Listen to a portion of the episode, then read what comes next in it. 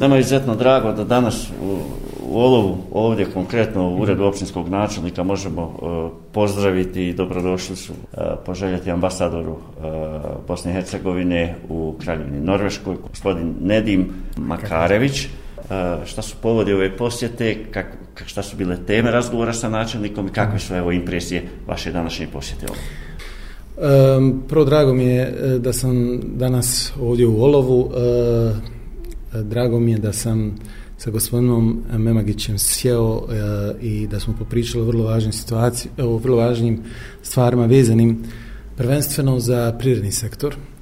Ovdje se radi o tome da je Kraljevina Norveška koju kojoj sam e, trenutno, kojoj se trenutno nalazim, jedna zemlja koja je prijateljski nastrojena prema Bosni i Hercegovini i e, još od ratnog doba pa do danas e, postoje konkretni grantovi, odnosno pomoć koju mi dobivamo od njih.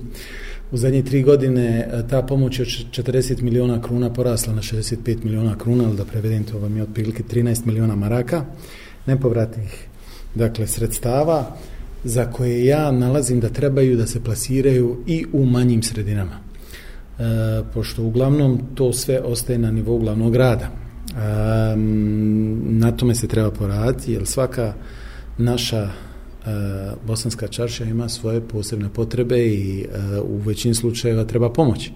S tim u vezi, e, to je prva sfera interesovanja. A druga je naravno privredni sektor, ono šta olovo kao olovo a, može da pruži u smislu izvoza prema Kraljevini Norveškoj i eventualno a, mogućnost koju olovo mo može da pruži za neko koji bi iz Norveške investirao u neku od e, u neki od privrednih subjekata u opštini Olova. Da. E, kad ste već spomenuli, hvala vam prije svega što evo, prepoznajete i ove, da, da, po navodnim znacima, manje sredine. Kako vam se dojmilo Olovo? kakve su impresije?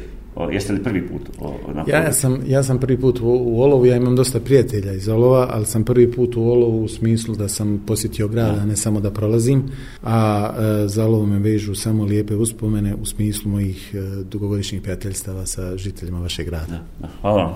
Hvala na vremenu koje ste izdvojili za naš. Hvala vama i sve najbolje. Znači, evo, u brojnim svojim susretima, upoznavanjima, e, danas ste imali priliku da razgovarati sa ambasadorom e, Bosne i Hercegovine u Kraljevini Norveškoj. Mlad čovjek, e, razmijenili ste mišljenje na šta su bile teme?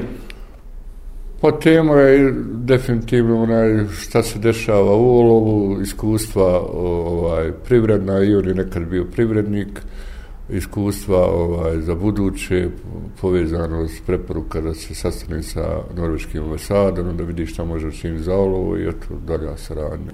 Pa mlad čovjek onaj, koji ima iskustva, obišao dosta svijeta. Hvala načinu.